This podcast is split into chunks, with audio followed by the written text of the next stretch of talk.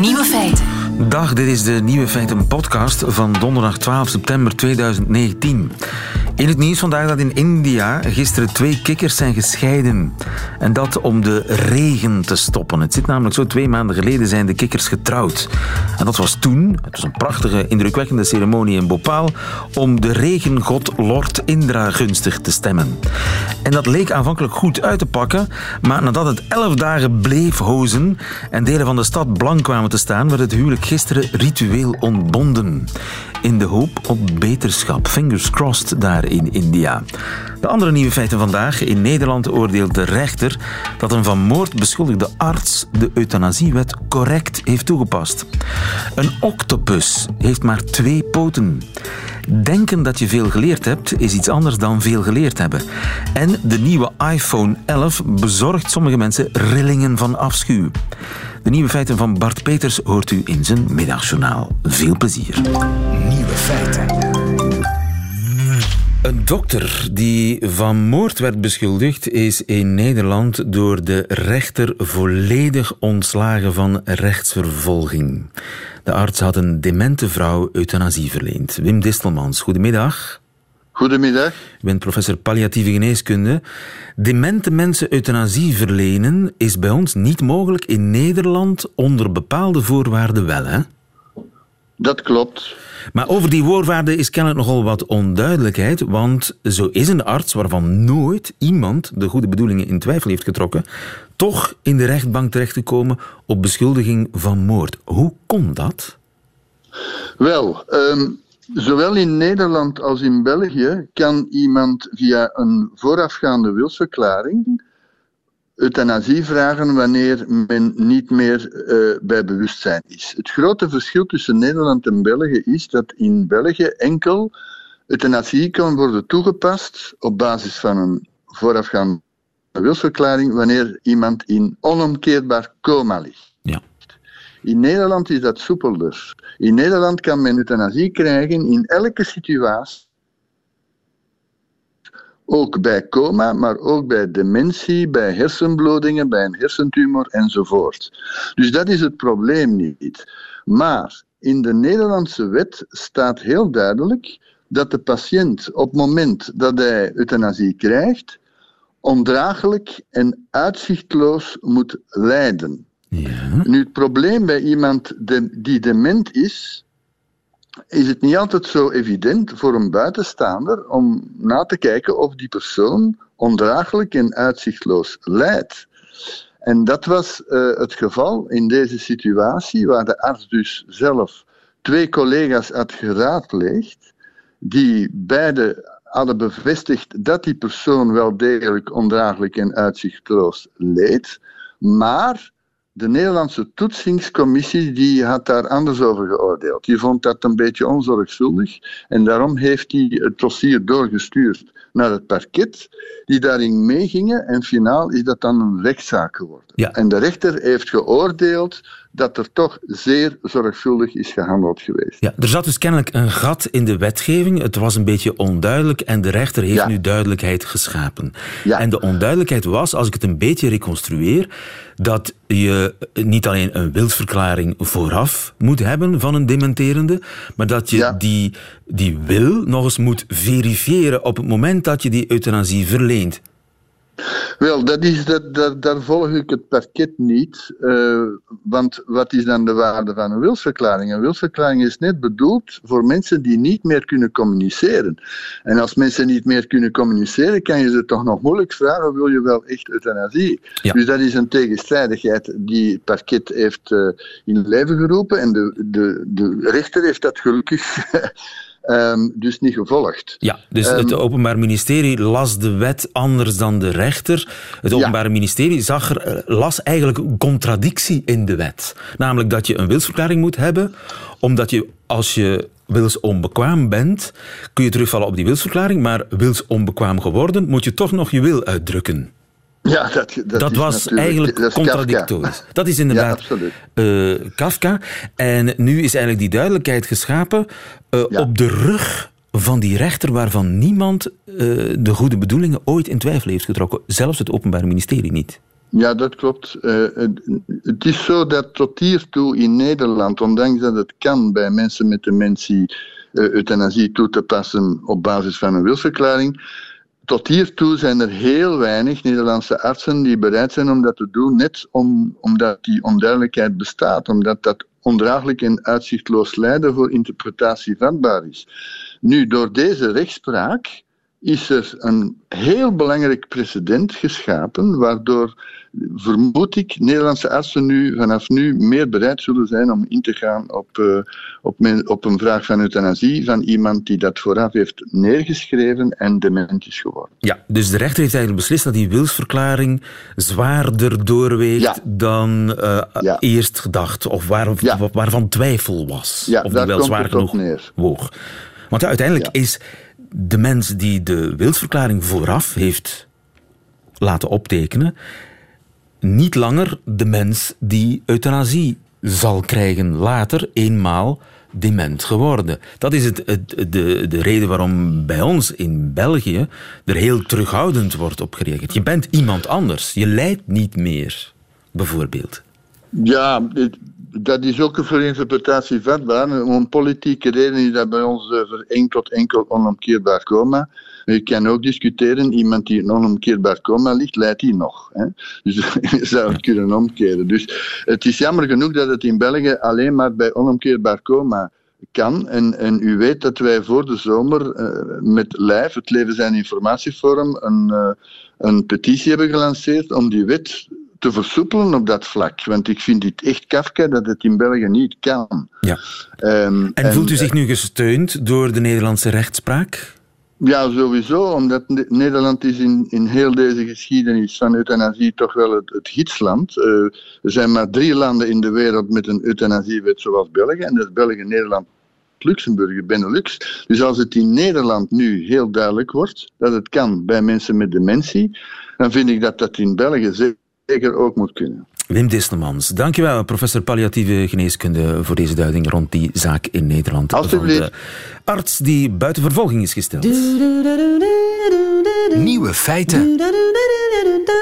Mensen die glashelder iets uitleggen, dat is heerlijk om naar te luisteren. Dat hoef ik u niet uit te leggen als Radio 1-luisteraar.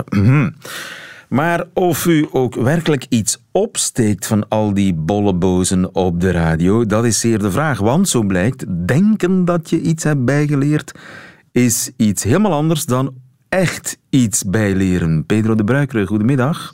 Een goedemiddag, lieve. Je bent pedagoog en onderzoeker aan de Artevelde Hogeschool in Gent en aan de Universiteit van Leiden. Dat moet blijken uit nieuw onderzoek van onder andere Harvard in Amerika. Wat hebben ze daar getest?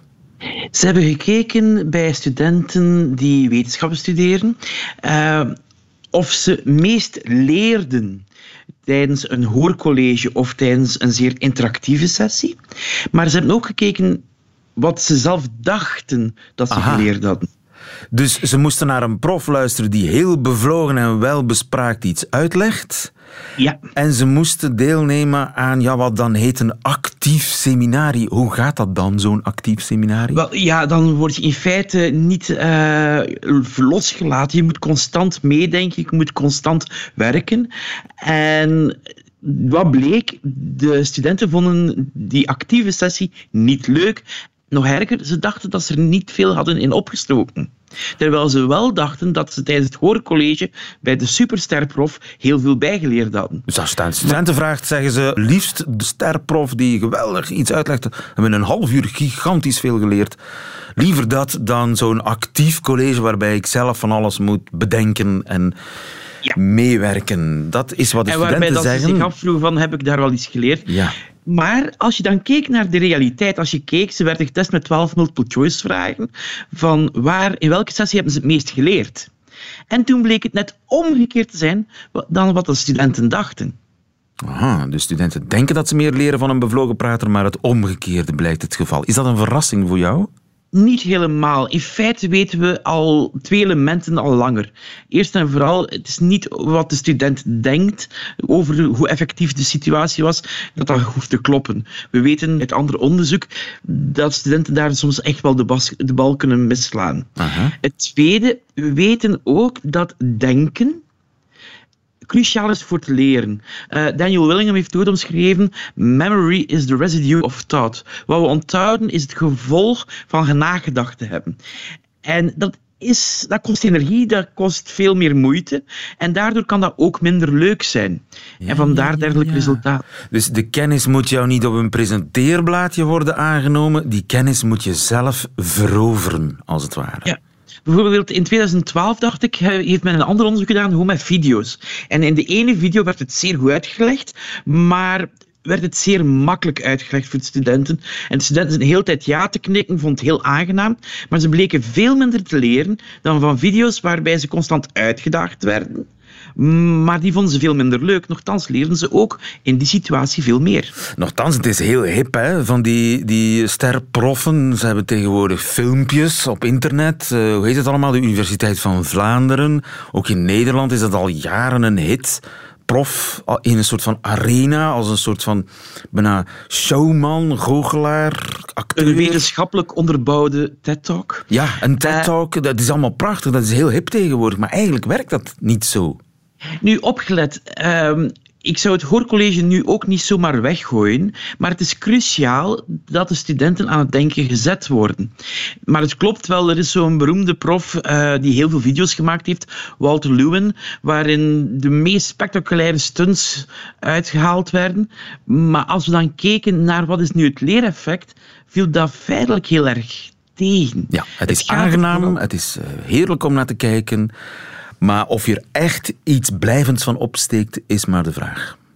Maar je zal er iets van opsteken, maar minder dan als je aan het denken en aan het werk gezet werd. Toch wordt er uh, op de Vlaamse Universiteit vooral ex-cathedra les gegeven, toch? Hè? Maar wat is altijd ook de afweging? Uh, je hebt enerzijds wat is het meest effectieve, maar anderzijds heb je ook ja, efficiëntie en, en kostprijs. Hoorcolleges zijn relatief goedkoop. Uh, je kan heel veel mensen tegelijkertijd door een beperkt aantal mensen uh, lesgeven. Terwijl dat seminaries waarbij iedereen aan de slag moet, ja, ja dan, ga je niet met 700 studenten tegelijkertijd natuurlijk.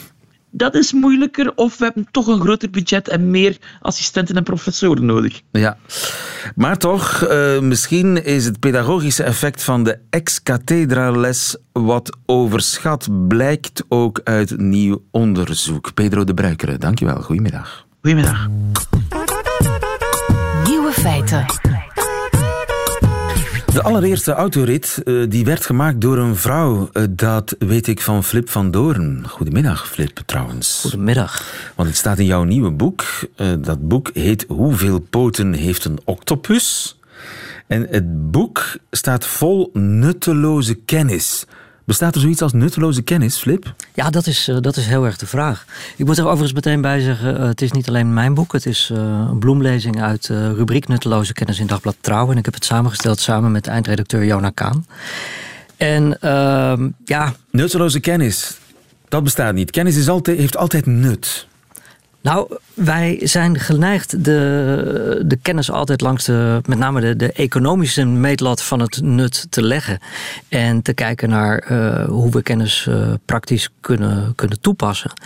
Uh, maar er wordt ook heel veel onderzoek gedaan wat in eerste instantie nutteloos lijkt of, of geen, geen enkel nuttig doel lijkt te dienen. En veel van dat onderzoek belandt in de, in de prullenbak. Maar soms leidt het ook tot verrassende nieuwe wetenschappelijke ontdekkingen. Ja, ja. En overigens, ja, de belangrijkste dingen in het leven zijn misschien de flauwekul, hè? Nou, het, wat wij eigenlijk hebben gedaan is die prullenbak omkeren en er allerlei dingetjes uithalen die, uh, die, die nooit enig nut lijken te hebben gehad, maar die wel ontzettend leuk zijn om te weten. Ja. Bijvoorbeeld, Hoeveel poten heeft een octopus? Hoeveel poten heeft een octopus? Ja, dat is een, een strikvraag. Als iemand je dat vraagt, dan uh, moet je meteen op je hoede zijn. Uh, je bent geneigd te zeggen acht. Maar, ja, natuurlijk. Uh, ja. Oct, oct, ja, oppa, octopus. hij heeft ook acht tentakels. Ja. Alleen twee daarvan gebruikt hij echt als poten om zich op voor te bewegen. En de andere zes zijn armen. En bij het mannetje is het zelfs zo dat hij een van die armen gebruikt om het vrouwtje te bevruchten via een gat in de kop van het vrouwtje. Ja, dat is verre van een poot. Ja, Dus het antwoord is eigenlijk twee. het antwoord is twee. Ja. En wie heeft de allereerste autorit gemaakt? Ja, dat is ook een, een, een, eh, een mooi voorbeeld van kennis die eigenlijk, ja, het, het lijkt gewoon een, een frivol feitje dat het Bertha Benz was. Bertha Benz. De echtgenote van, van Karel Benz. Ja, mooie, mooie alliteratie. Dat, eh, ze was de echtgenote van Karel Benz. En Karel Benz had eh, in 1886 al de benzinemotor ontwikkeld en een, een prototype gebouwd. Alleen hij durfde er de straat niet mee op. En pas twee jaar later heeft zijn vrouw Bertha, terwijl hij lag te slapen, de, dat prototype uit de garage gepakt. Heeft haar twee eh, zoontjes aan boord gehezen en is naar haar moeder gereden, een dikke 100 kilometer verderop. En uh, maakte En zo... hij lag te slapen, hij wist het niet. Hij, hij wist van niks. En zij maakte zo niet alleen de eerste ge- autorit in de geschiedenis. eh, de drogisterij waar ze een fles wasbenzine kocht als, als brandstof... is de boeken ingegaan als het eerste tankstation. En onderweg eh voerde ze reparaties uit met een hoedenspeld en een kousenband. Dus mevrouw Benz was niet alleen een deurval... maar ook, eh, ja, ze had ook toch enig technisch inzicht. En was zij het beu dat haar man maar bleef aarzelen? Nou, eh, haar man was inderdaad een, een, een twijfelaar en durfde niet de weg op. En eh, hij heeft later toegegeven dat het succes van zijn automobiel voor een groot deel te danken was aan, aan de lef van zijn vrouw om er daadwerkelijk mee te gaan rijden. Want het was ook nog eens een enorme publiciteitsstunt die ze uithaalde. Ze, ze kreeg er heel veel aandacht mee in de, in de pers in Duitsland. En die aandacht heeft uiteindelijk geleid tot de doorbraak van de automobiel van Benz. Ja. Waar komt navelpluis vandaan? Ja, navelpluis, dat is, dat is ook een heel mooi voorbeeld. Eh, daar, is, daar is onderzoek naar gedaan. Dus het is zeg maar het, het bolletje eh, stof, eh, troep wat, wat in je navel blijft hangen.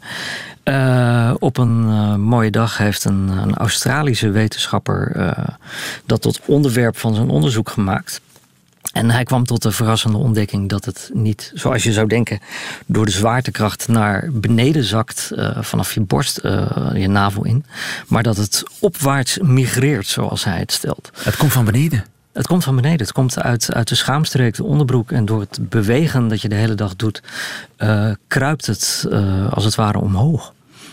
En is het, eh, zijn het schilfers die loskomen? Wat, wat is het eigenlijk? Het is, het is een, eh, een, een- mengeling inderdaad van eh, schilfers, dode huidcellen, haartjes, vaak ook kledingvezels. Als je er goed naar kijkt, het is, het is vaak een beetje blauwig. Zeker bij mensen die, die spijkerbroeken dragen.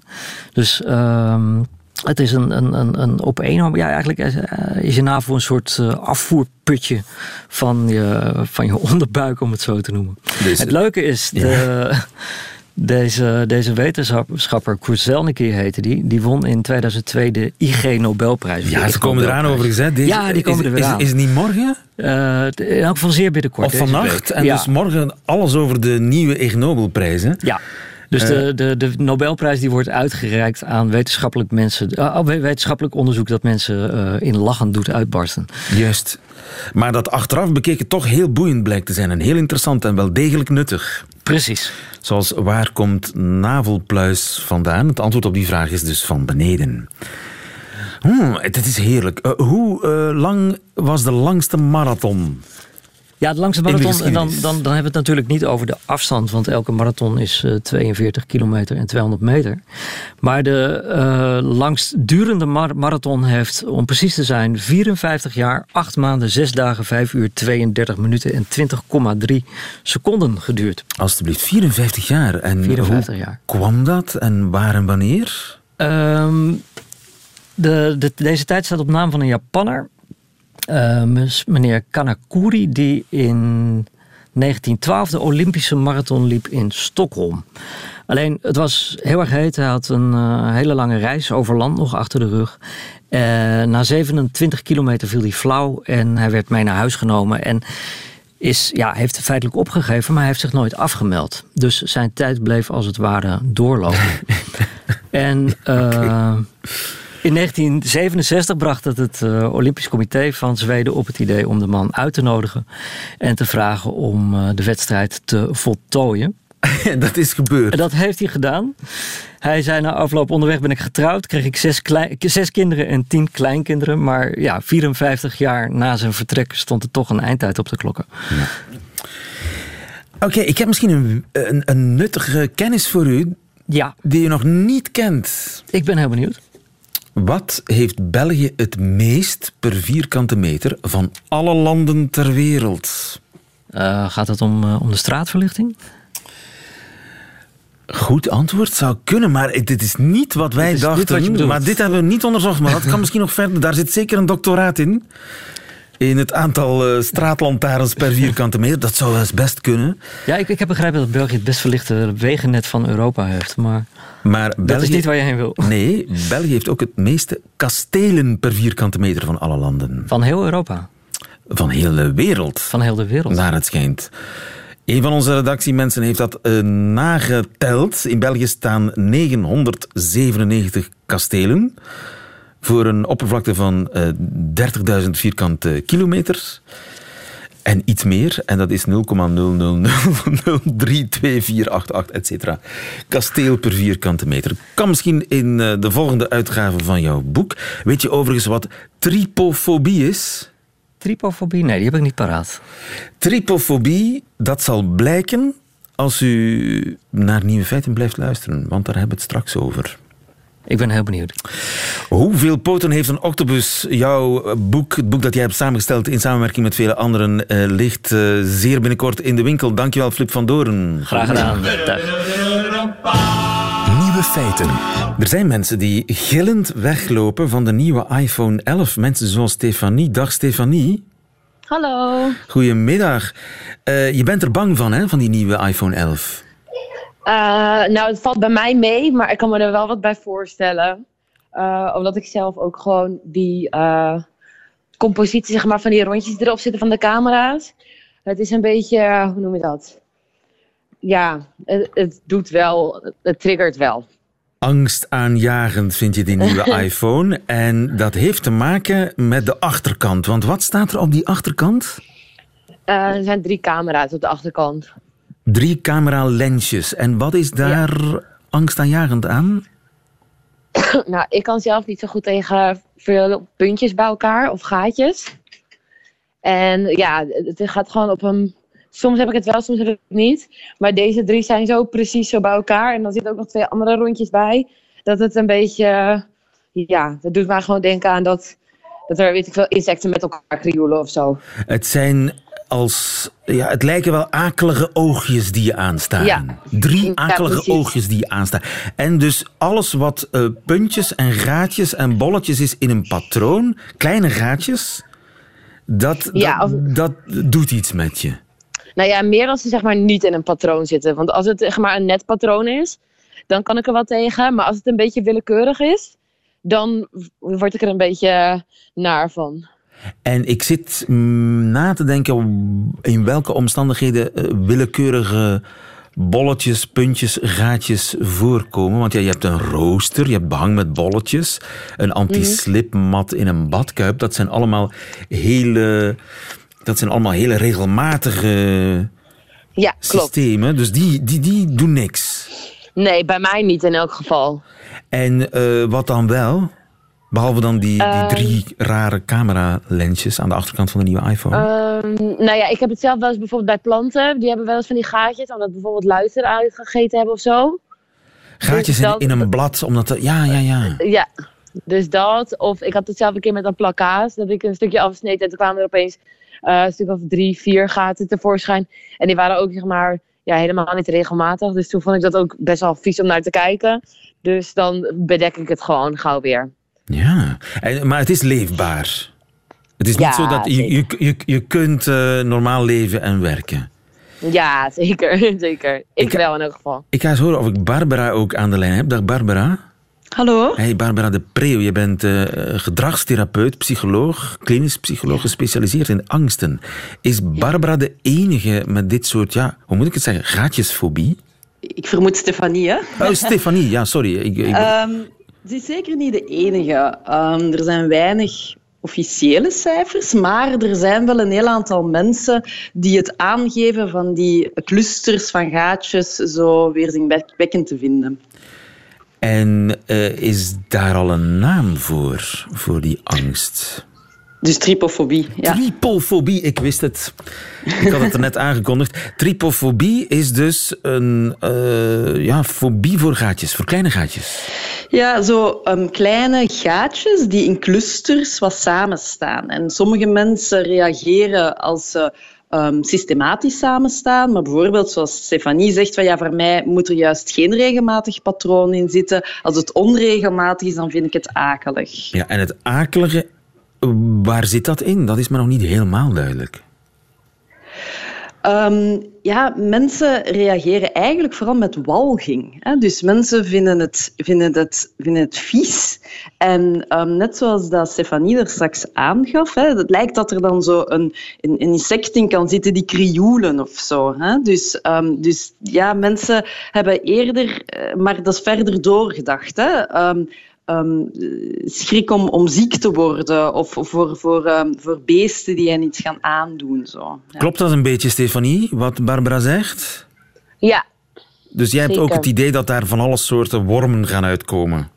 Ja, precies. Nee, ik weet dat het niet gaat gebeuren, maar dat gevoel geeft het me wel. En dan krijg ik natuurlijk van die -hmm. kriebelrillingen in mijn nek en dan ja, dan gaat mijn schouders zo omhoog. En dan, ja. gewoon net het gevoel dat als je aan, aan luizen, bijvoorbeeld als iemand over luizen praat, dat je dan gelijk jeuk voelt en zo. En dat je het ook gelijk voelt kriebelen. Dat krijg ik dan als ik die gaatjes zie. Oké, is daar al... Er, en, ja, zeg en maar. Dat is, sorry. En dat is juist um, heel specifiek voor een specifieke fobie. Hè? Dus, dus zoals Stefanie zegt, van, ik weet wel dat dat daar niet in zit, of ik weet wel dat het niet gaat gebeuren. Een um, beetje verder doorgetrokken, ik weet wel dat het wat overdreven is. En toch reageert mijn, mijn lijf zo. Hè? Toch voel ik... Um, uh, zo van die um, kippenvel of, hè, of, of, krijg ik echt zo een, een idee van oh, dit is vies, dit is akelig, ik wil dit weg. Ja. Stefanie, kun jij uh, Emmentaalkaas eten? Uh, nou, ik ben tegenwoordig ook veganistisch. Daarom? ja, om die reden. Nee, ja. Nou, ik weet nog wel dat ik dat hele lekkere kaas vond. Maar inderdaad, het was wel, het is wel, ja, het, het maar ja. dus op een, gegeven moment, op een gegeven moment zag je die kaas met die gaatjes en dan was de goesting over. ja, ja, ja. Nou ja, uh, ik vond die kaas wel heel erg lekker, moet ik eerlijk zeggen. En die gaten zijn dan ook wel weer best wel groot. Dus het is ja, moeilijk te zeggen wanneer het wel. Maar ik heb er lang niet meer naar gekeken, dus ik weet het even niet zo goed. Ja.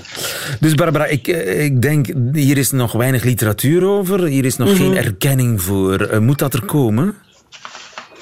Goh, ik er is inderdaad weinig. Onderzoek is hier nog volop bezig. Hè. Dus heel specifiek wil dat zeggen dat tripofobie, we kennen er eigenlijk nog weinig van. Ja. Um, en maar een van de consequenties is natuurlijk dat mensen, of de andere mensen die er geen last van hebben, er ook wel wat minder erkenning voor hebben. En dus ook meer onbegrip. Hè. Ik Bijvoorbeeld wist niet als je bestond, kijkt, uiteraard. Ja, ja. Maar, als je kijkt naar mensen met, met, met spinnenvrees of hoogtevrees, ja, iedereen kent wel iemand dat er last van heeft of heeft er zelf last van. En met tripofobie Goh, mensen hebben er last van, maar het is ook heel gemakkelijk te vermijden. Hè? Dus om dan echt van een, van een specifieke fobie te kunnen spreken, moet iemand er heel serieus hinder van ondervinden en heel intense reacties hebben. En dat komt heel erg uh, weinig voor in dit geval, denk ik. Dus er is ook weinig behoefte om tussen haakjes te genezen. Ja, we zien die ook niet, niet echt in, in, in therapie. Tenzij bijvoorbeeld zo een, een student biologie hè, die, die um, cellen moet onderzoeken en daar dan echt die walgingsreactie van heeft of zo, zo'n zaken. Dan, dan, dan wordt het lastig. Hè. En dan is behandeling wel, wel nodig als die student bioloog wilt worden bijvoorbeeld. En dat heb je meegemaakt? Nee, nee, nee, dat is ah, een gevalbeschrijving. Dat is een theoretische, nee, nee, nee. theoretische nee, mogelijkheid? Nee, nee, nee, nee, dat is, dat is, dat is wel gebeurd. Hè. Ik bedoel, in de literatuur is die beschreven, okay. maar, um, maar ik heb hem zelf niet gezien. Nee, in dat geval uh, moet je wel een oplossing zoeken of uh, ja, ja. een andere opleiding. Dat zou ook kunnen. Stefanie en Barbara, mag ik jullie hartelijk danken voor uh, dit verhelderende gesprek. Goedemiddag. Okay. Bedankt. Graag gedaan. Radio 1. Nieuwe feiten. Waarmee u alle nieuwe feiten gehad heeft van vandaag, de 12 september. Behalve die in het leven van de man die het middagjournaal bijhoudt deze week voor nieuwe feiten. En dat is Bart Peters. Hoe gaat het met hem vandaag? Nieuwe feiten. Middagjournaal. Hij heet Victor. Hij is acht jaar en wacht me op op het voetpad van het Paleizenplein in Brussel. Hij draait virtuoze pirouetjes, tolt om zijn as tegen een verbazingwekkende snelheid. Later vertellen zijn ouders, een ander kind zou op dit moment ijsberen. Maar omdat Victor blind is, blijft hij op exact dezelfde plek ronddraaien, dat is veiliger. Victor wil zonder witte stok het paleis in. Dus mag ik zijn vertrouwensman zijn. Ik zeg dat ik geen gewone high five wil. Ik wil er een die zijn talent bewijst. Hij plitst een prachtig flamenco takata takata tak tak tak patroontje in mijn handpalm. Ik trommel met mijn vrije hand een bijpassende groove op zijn schedelpan. En dan zijn we vrienden. We stappen naar de grote poort. Ik zeg hem dat er een soldaat staat die we mogen aansalueren. Ik wring Victors hand in iets dat op salueren lijkt en draai hem zo dat het lijkt alsof hij zich echt tot de soldaat richt. Hij vindt dat maar raar. Ik zeg, in dit geval mogen we die soldaat vermoedelijk ook gewoon echt gaan begroeten. Victor drukt zich tegen hem aan. Feels better. We stappen naar het paleis. Hij vindt het leuk dat je van alles een wedstrijdje maakt. We gaan zo dadelijk onder een boogpoort. De stenen onder je voeten veranderen niet. Zeg wanneer we door die boogpoort wandelen. Hij zegt exact juist nu. Vervolgens vertelt hij over elke zaal die we passeren, of ze groter of kleiner is dan de vorige. Hij hoort dat aan de galm van onze stappen. Hij vergist zich nooit. Hij wil bij voorbaat het aantal trappen weten en neemt ze met heel weinig hulp. En dan komen we in de zaal waar de koningin ons opwacht. Zijn kongas staan al klaar. Dag Victor, zegt Hare Majesteit. En ze knuffelen zodat Victor kan inschatten welk vlees hij in de kuip heeft. Ik weet intussen dat de koningin geen koningin speelt. Ze is een koningin. Een beetje zoals je niet kan spelen dat je Tina Turner bent. Je moet er Tina Turner voor zijn. Ik merk ook dat ik zelf wel een beetje speel. Ik betrap me erop dat ik eigenlijk krak dezelfde lichaamstaal gebruik als wanneer ik met de Sint spreek. Maar dat terzijde. Trouwens, mijn waddenwijfs gewoon mantelpakje ook persona zou geen oplossing zijn, dus zo wat. Victor speelt de wereldhit Tequila. Na de papa papa pam worden de koningin, Nora en ik bevolen Tequila te roepen. Daarna moeten we van Victor keihard applaudisseren. Hij legt het vast op een klein opnamedingetje dat hij tevoorschijn heeft getoverd. Daarna wil hij heel luid horen lachen, vooral door de koningin. Zijn apparaatje is onverbiddelijk. Niemand ontsnapt aan Victors vrolijke bevelen. Die bezoekjes van die jonge muzikanten aan het paleis hebben dus geen scenario. Hoe het verder gaat, ziet u op een tv-toestel near you. Niet vanavond trouwens. Vanavond in Merci voor de muziek ontmoet Comilfo dan weer eindelijk zijn ruimtevaarder. En dat is zo schoon dat ik er liever over zwijg. Tot morgen.